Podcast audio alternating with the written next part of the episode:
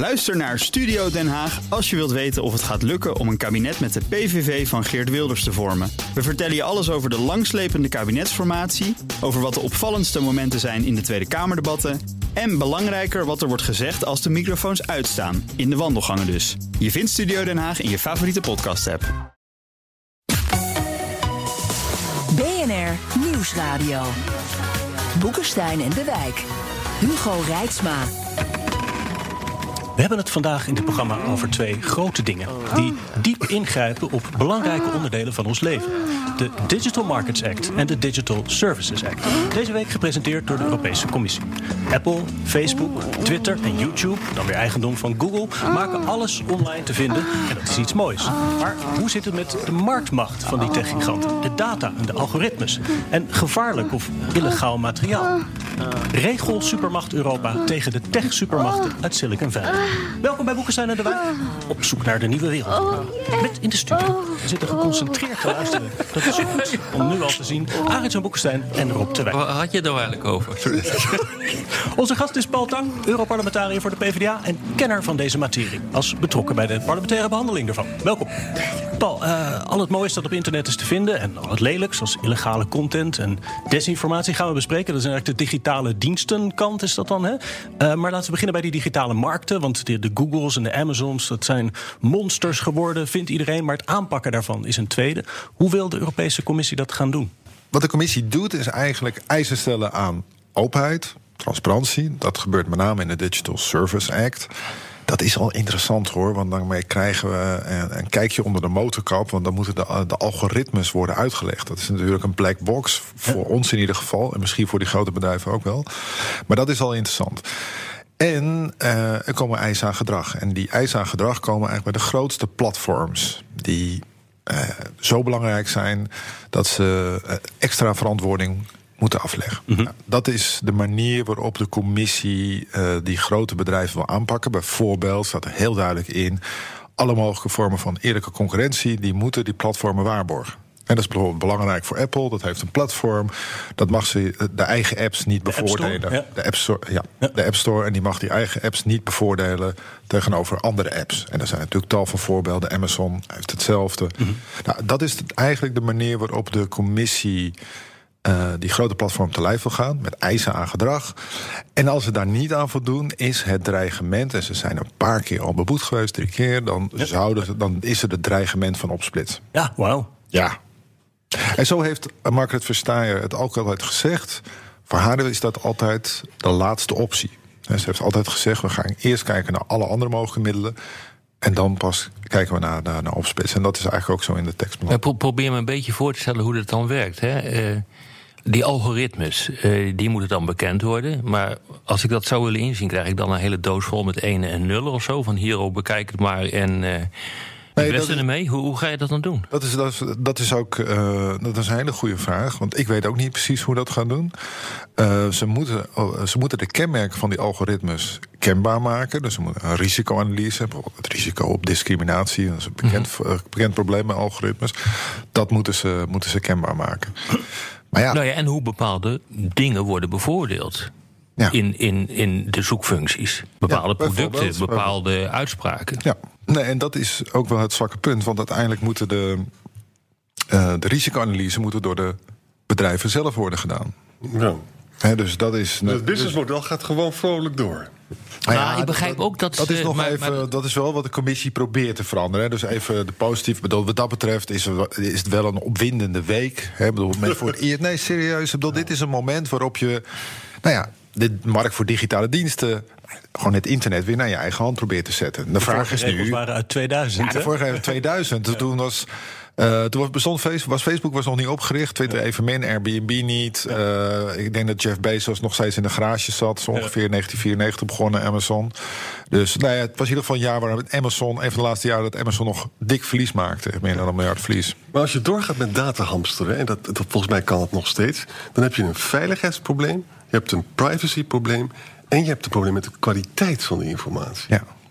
En dat pakken we niet aan. Nee, nee, nee. Dus kijk, er zijn verschillende manieren wat de commissie ook had kunnen doen. En daarom is het interessant om deze week ook te zien dat de Amerikanen, uh, die natuurlijk met hetzelfde probleem te maken hebben, heel eh, de grote bedrijven die alle macht en uh, middelen hebben. Die, die lijken veel meer aan te koersen op het opsplitsen van die bedrijven. Dus wat de Europese Commissie nu ziet als laatste mogelijkheid, wordt in Amerika nadrukkelijk gekeken naar het opsplitsen van Facebook, uh, uh, Instagram en WhatsApp. Wordt er ook gekeken naar de, de samenwerking van Google en Facebook op de advertentiemarkt.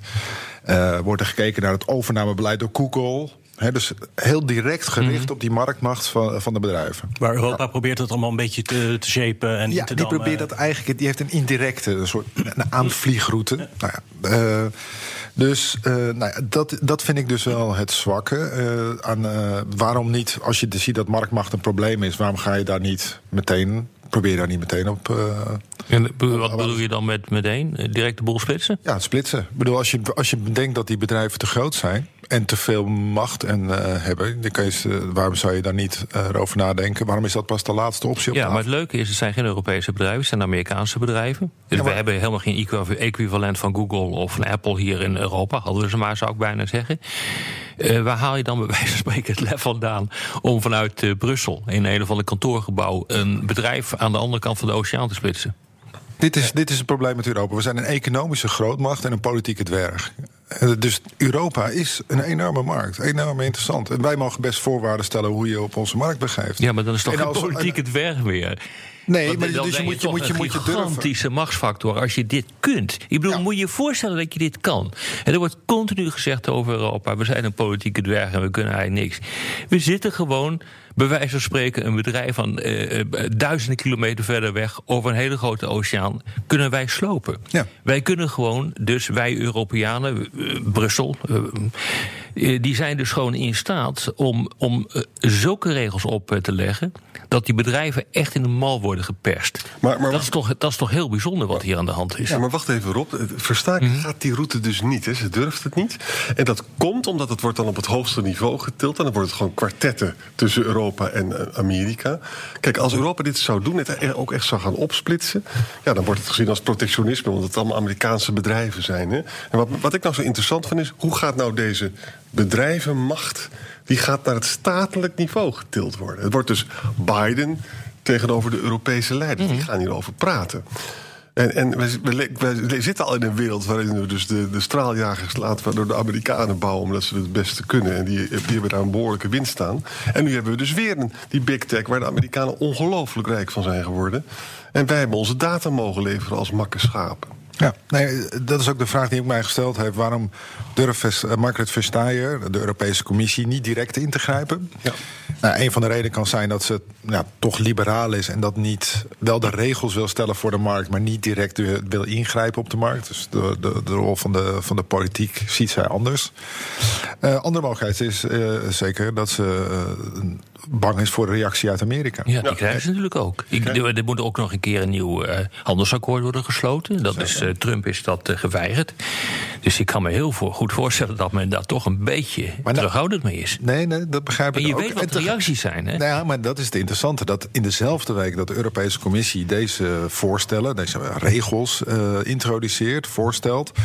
Is in Amerika liggen er plannen op tafel om bedrijven te splitsen. Ja. Dus je kan ook zeggen dat ze de reactie in Amerika fout Ja, heeft ja, ingeschat. dat is zo, is want, zo. want Maar- dat is, kijk, kijk je naar Amerika, dan zie je natuurlijk dat zowel de Republikeinen als de Democraten grote twijfels hebben bij die, bij die big tech. Ik bedoel, die, die big tech komt uit Silicon Valley vandaan, is het vooruitstrevende deel, het liberale deel van Amerika. Dus de, de Republikeinen zijn nooit een natuurlijke bondgenoot geweest. Maar ook de Democraten hebben zo hun bedenkingen. Tuurlijk, In het. Amerikaanse Huis van Afgevaardigden kwam er een rapport dat ook, die, eh, ook pleitte voor opsplitsen van, eh, van de technologen. En met name van de democratische zijde, want de Republikeinen namen namen dat rapport niet deel. Dus je ziet dat aan beide kanten die steun. Klopt, maar het maakt je niet direct een bondgenoot van de Amerikanen. Nee. Kan je nog herinneren eh, dat een jaartje geleden eh, Trump riep van eh tegen ASML... nou, die lithografie van je, machine van jou... die moet maar niet worden geëxporteerd naar China. Nou, de wereld was tekort hier in Nederland. Waar bemoeit Amerika zich mee? Dat zullen we toch allemaal zelf bepalen. Ja. Ja, die reactie ga je natuurlijk nu ook krijgen. En we hebben ze al gehad. Ik heb het nog even gecheckt. 2010 hè, is, eh, heeft de commissie een onderzoek eh, gedaan naar ook weer algoritmes, in dit geval van, uh, van Google, hoe die ook zijn producten van zijn, zijn eigen klanten kon bevoordelen. Dat heeft Google gebracht op een, een boete van 2,3 miljard dollar of euro. Daar wil ik even van, nou, dollar was het. Obama in die tijd, die stond op zijn achterste poten. Die vond dit niks. Daarna hebben we nog een paar van dit soort akkefietjes gehad. Dat heeft tot een grote woede geleid van uh, Trump. Dus ik denk, als wij dit gaan doen als Europa, dan hebben we wel een probleem hoor, met Amerika. En is een handelsakkoord uh, verder weg dan ooit. En al die gezellige samenwerking die we willen hebben om China eronder te houden, die kun je dan ook wel vergeten.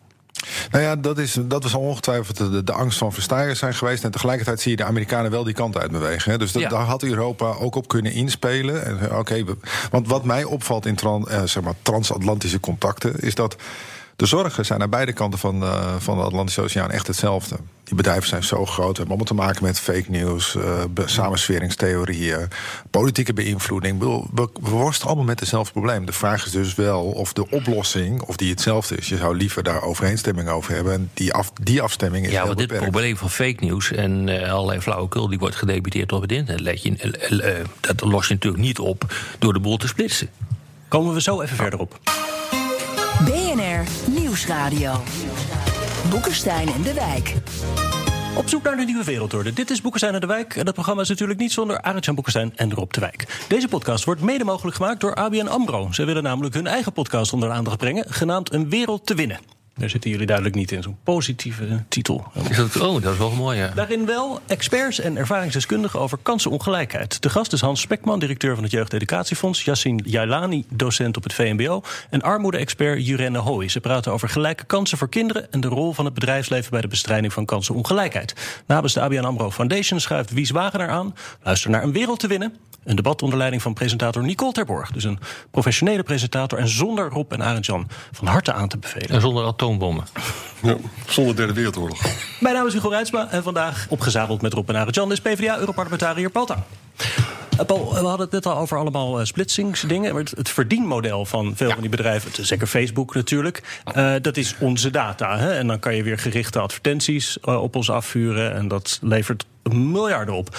Pakt de commissie dat ook aan? Nee, dat is dus. eh, eh, er zijn verschillende manieren om het aan te pakken. Het opsplitsen was er een van, daar zijn we even mee begonnen. Ja. Maar het andere wat logisch zou zijn geweest, kijk nu naar waar halen de bedrijven hun macht vandaan en hun geld vandaan. Hè? Dan ga je naar de bron van, die, eh, van de marktmacht.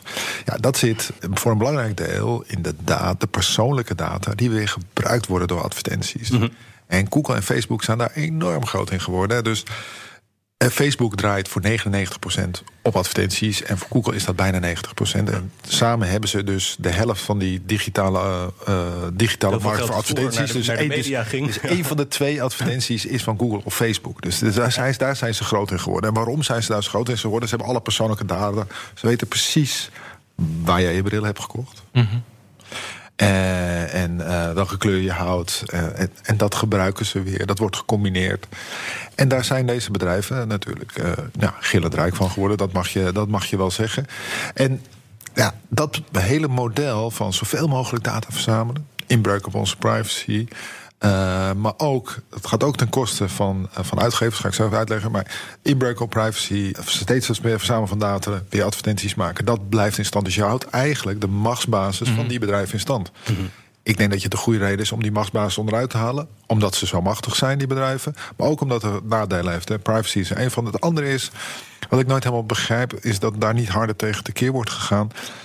Eigenlijk omdat Google en Facebook weten dat je bijvoorbeeld naar de Volkskrant-site gaat... of dat je Volkskrant bent, wordt het merk Volkskrant wordt minder waard.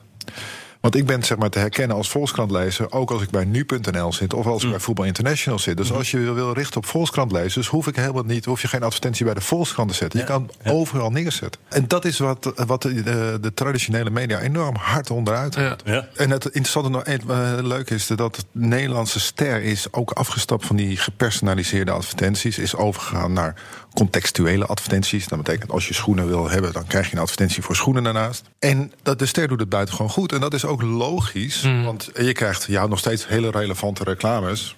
Maar ook omdat dus, de omroep eigenlijk weer het merk volledig benut. Het is eigenlijk alsof je de middleman Google en Facebook er weer tussenuit snijden. En dan denk je van, hé, hey, dat kost toch wel belachelijk veel geld. Ja, ik eh, weet niet of het nou relevante reclames zijn hoor. Dat vind ik al. Nee, je, kan, je, kan iets, je, kan iets hebben, tegenstrijdigheid. je kan iets hebben over tegen reclame. Dat heb, heb ik zelf ook.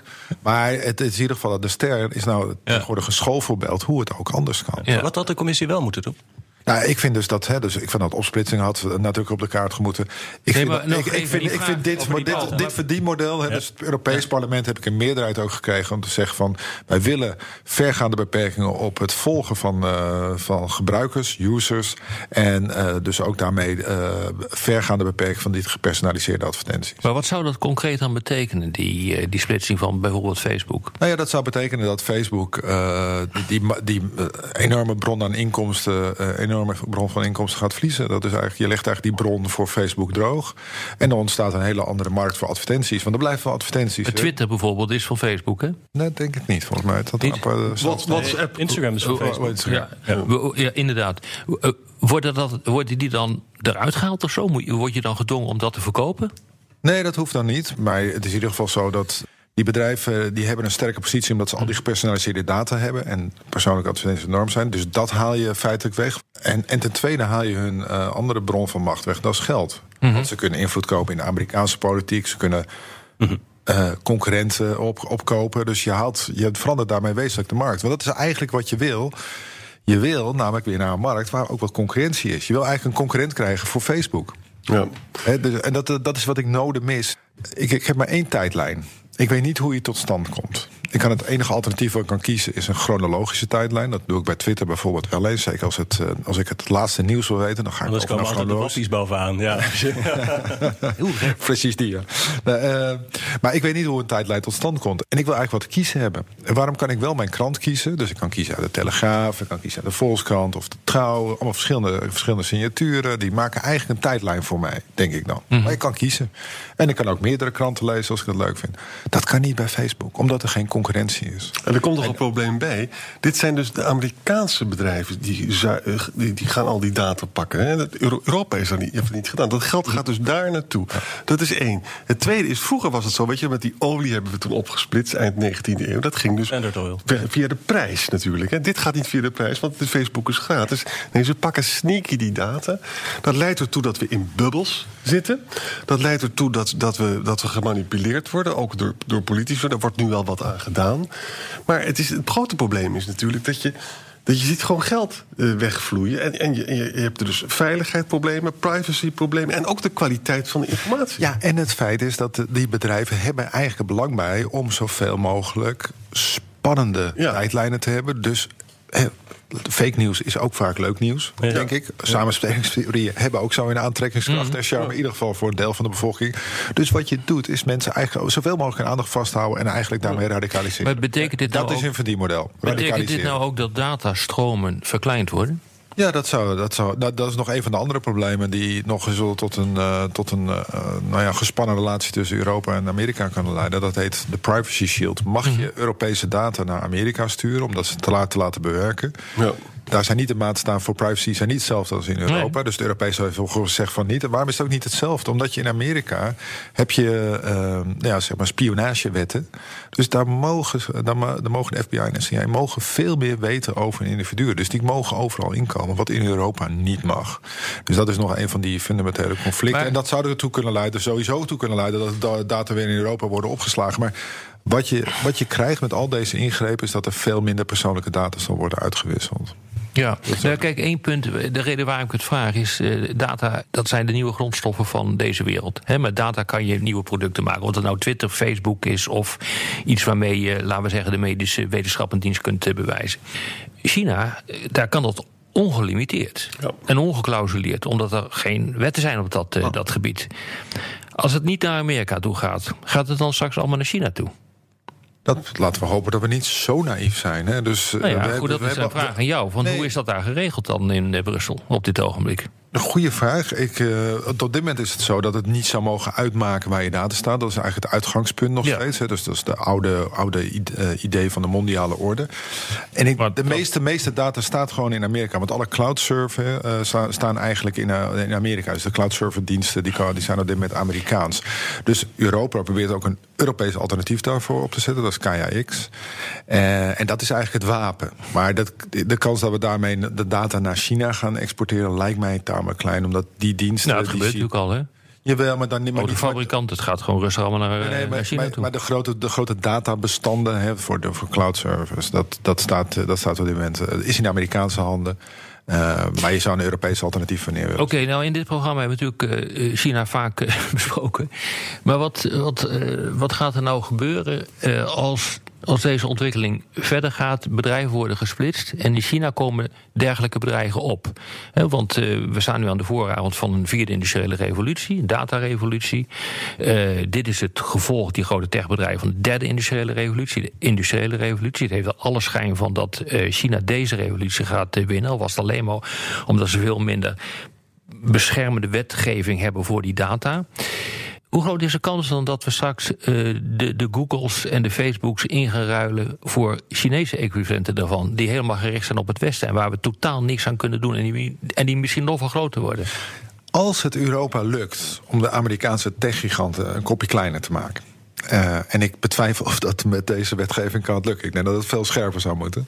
Dan is diezelfde wetgeving ook geschikt om die, uh, de, de Chinese tegenreuzen zoals Alibaba en Tencent ja, buiten de deur te houden. Alibaba want die, groter, wat, wat, die doen namelijk hetzelfde. Ja. Die houden hun gebruikers in een silo gevangen van allemaal diensten. Het is niet alleen dat je informatie krijgt, je kan er ook voor betalen. Dus, dus alle betaalgegevens zijn daar ook nog eens bekend, wat hier nog niet zo is. Paul, ga jij en het Europees Parlement deze regels nog aanscherpen? Of gaat straks de, de, de ja, nee, Silicon Valley lobby dat allemaal weer tegenhouden? Ja, dit, Silicon Valley lobby is, die is begonnen. Uh, maar zoals ik zei, ze, hebben, ze hebben wel heel veel uit te leggen. Ook, uh, en uh, het zijn ook uiteindelijk best Amerikaanse bedrijven. Dus ik denk dat zij nog wel een hard gevecht hebben. Ook bij de landen. Je zag laatst ook een samenwerking tussen Frankrijk en Nederland op dit gebied ontstaan. Een gezamenlijk, gezamenlijk paper. Nou, het gebeurt niet zo vaak dat we het directionistische Frankrijk en het liberale Nederland samen kunnen optrekken. Hier kan dat dus wel. Dus ik denk dat zij wel een hard gevecht, uh, nog een hard gevecht voor de boeg hebben. En ik, maar het is wel zonder meer, uh, daar wordt het nodige geld in. Er lopen vele lobbyisten van Google en Facebook rond. Ja, komen die ook bij jou aankloppen? Die, gaan ook, die kloppen ook bij mij aan, ja. Maar ja, en, als, en als ze dan bij mij aankloppen, dan denk ik altijd... oh ja, maar dan kloppen ze zeker... Oh, want ik, ik ben natuurlijk niet een logische kandidaat om aan te kloppen. Ik heb net gezegd dat je verdienmodel... Uh, dat daar het mes in moet en dat je eigenlijk moet worden opgesplitst. Dus waarom klop je bij mij aan? Maar dan weet je dus zeker dat ze bij heel veel anderen... Nou, nou, kijk, ik, ik, heb gezien wat ze daarin stoppen. Dat is miljoenen en miljoenen om die Europese uh, Commissie om te krijgen, het parlement. Ik heb begrepen dat er dus ook een document is uitgelekt van Google hoe ze dat gaan ja, doen. Fantastisch. Ja, ben jij, heb, heb, jij daarmee te maken gekregen toevallig? Nee, want deze, deze strategie van Google was gericht op, echt op, op de Europese Commissie, Commissie. nog. Want, uh, dus met name op Thierry Breton. Uh, want nu is de Europese Commissie aan zet geweest en nu is de beurt aan de Raad van de Landen en het parlement. Ja, dat ging zelfs zo ver dat ze dus zeg maar academici gaan inhuren en betalen om de juiste argumenten te verzinnen om de hele boel te gaan ontregelen. Ja. Dus dat is een keiharde machtsstrijd die op dit ogenblik gevoerd wordt. En het opkopen van ex-overheidspersoneel. Ja. En het gaat heel ver hoor. Veel assistenten van Kamerleden die gaan ook door naar Google en zo, hè, omdat ze dus contacten hebben. Ja. En, en die, die lobby bij Brussel is niet, doet niet onder voor wat er in Washington gebeurt. Ik denk dat die groter is inmiddels. Nou ja, die lobby is in ieder geval stevig aanwezig. Dat heb ik ja. altijd gevonden. En dat is ook wel logisch. Hè. De marktregels worden in, in Brussel bepaald. Dus ja, daar moet je zijn om te ja. lobbyen. Maar die is altijd wel nadrukkelijk aanwezig. Ze mogen altijd bij ons adverteren. gaan we door met luisteraarsvragen. Luister u op de radio, dan verwijs ik naar Apple Podcast, Spotify of boekensteinendewijk.nl. Een vraag van Adrie Vingerhoets over desinformatie. Die zegt het klinkt goed en mooi uh, om dat aan te pakken, maar wie gaat dat bepalen? Ik hoor met enige regelmaat politici aantoonbaar onjuiste stellingen verkondigen. Gaan we die ook aanpakken en hoe dan wel? En nee, dat verschijnsel blijft echt niet beperkt tot de flanken of de populisten. Wie bepaalt ja, dat wat is een goede vraag. Ja, dat is een hele goede vraag. Dus wat de Europese Commissie heeft gedaan en wat het Europese Parlement ook voorstander voor is, we maken. Uh, het gaat eigenlijk. De, de verantwoordelijkheden gaan in eerste instantie over illegale inhoud. En dus iets wat duidelijk terroristisch is of crimineel is. Dat mag niet, moet zo snel mogelijk van worden verwijderd. En alle andere bemoeienis moet worden beperkt. Maar zit wel een maar bij. En dat komt weer terug, wat zijn de algoritmes? Mhm. Het gaat niet alleen wat je aanbiedt, het gaat er ook om hoe je het verspreidt. En dat is eigenlijk het nieuwe aan de, socia- eh, aan de sociale media. Hoe verspreid je dat? Ja. Daar is nu een Democracy Action Plan gekomen. Want in tijden van verkiezingen is desinformatie eh, dodelijker. Hè. Denk ik alleen aan, eh, aan de, de deepfake video's die kunnen verschijnen. We hebben nog niet, nog niet echt meegemaakt dat het invloed heeft op verkiezingen. Maar het is zo levensecht. Het, kan, het is Ja. zo goed voorstelbaar dat dat een keer. maar die algoritmes moeten duidelijker worden. En de techbedrijven moeten laten zien hoe die algoritmes werken. En ook hoe ze dit soort informatie verspreiden. Ik bedoel, dat is natuurlijk wel, een, eh, wel hun verantwoordelijkheid geworden. Maar we doen nou net alsof het over die paar techbedrijven gaat. Maar we hebben ook nog een paar honderd miljoen eh, websites. Waar hetzelfde op kan gebeuren met allerlei flauwekul. Blijft dat nou allemaal buiten, eh, buiten schot? Ehm, nou, die, de, algoritmes zouden. Ik zit even af te vragen of dat. Kijk, het gaat er vaak om zoekfuncties. toch? Eh, of eh, de orde. Nou, nou, bijvoorbeeld, ieder, ieder zichzelf respecterend bedrijf heeft een, eh, heeft een website. Jawel, maar hoe kom je op die website? Ja. Dat is, Oh, dat is die eigenlijk de vraag. Hè? Ja, dus, dus maar ik, dan kom je ik- heb ook een website. daar komt nooit iemand. Dus ja. Nee, nou ja, Als je mij nou vertelt. Nou ja, nee. Maar het is wel interessant er, staat, In die echt zin. nieuws op mijn website. Kijk, er staat echt nieuws op. Oh ja, nee, Toch moeten we om- echt allemaal naartoe. Nee, maar, maar kijk, het is wel een interessant punt natuurlijk. Van waarom is er bijvoorbeeld geen keurmerk voor websites? Ik, ik vind het heel opmerkelijk. Dat, volgens mij bestaat dat niet. Hè, waarin je, waarvan je zeker weet dat het echt gevalideerde informatie bevat. Hè, bijvoorbeeld kranten. Eh, bepaalde blogs misschien. Eh, Ja, maar we- dat, dat lijkt mij wel echt heel erg Maar interessant. we hebben toch ook geen keurmerk voor kranten? Dat hebben we toch niet gedaan? Dat laten we Nee, maar dat is ook nooit nodig geweest, omdat we ervan uitgingen dat die kranten op zich eh, wel eh, geverifieerd nieuws. eh, Ah, de Telegraaf in verkiezingstijd, sorry. maar dat zeg ik als PvdA, hoor. Dat zeg ik als PvdA. nee, maar ik meen, ik meen het serieus. Ik bedoel, hoe moet je nou iemand duidelijk maken dat een website totale onzin is, of dat daar informatie op staat die je op een of andere manier kunt gaan, eh, gaan vertrouwen? Dat is, dat is toch een heel redelijke veronderstelling. En het was toch een hele redelijke vraag. En in mij wordt die vraag heel vaak gesteld, zelfs door mijn eigen studenten, die zeggen. Maar waar moet ik dan naartoe? En dan komen ze met een of andere website, met een of andere type dat er een blog op heeft gezeten. Wat moet ik daar in godsnaam mee? Dan blijft het nog flauwekul te zijn. Waarom kunnen we niet eens gaan nadenken met z'n allen... of we daar niet een of ander keurmerk voor kunnen ontwikkelen? Ik zou niet weten waarom dat niet zou kunnen. Maar dan heb ik een vraag aan jou. Het is een gratis advies trouwens hoor, bij deze. Weet je, één, twee jaar geleden speelde die discussie ook. Hè? En, en toen dacht ik van, nou, dat wordt gewoon de vrijheid van meningsuiting... wordt gewoon gebruikt en dat weten ze af te slaan.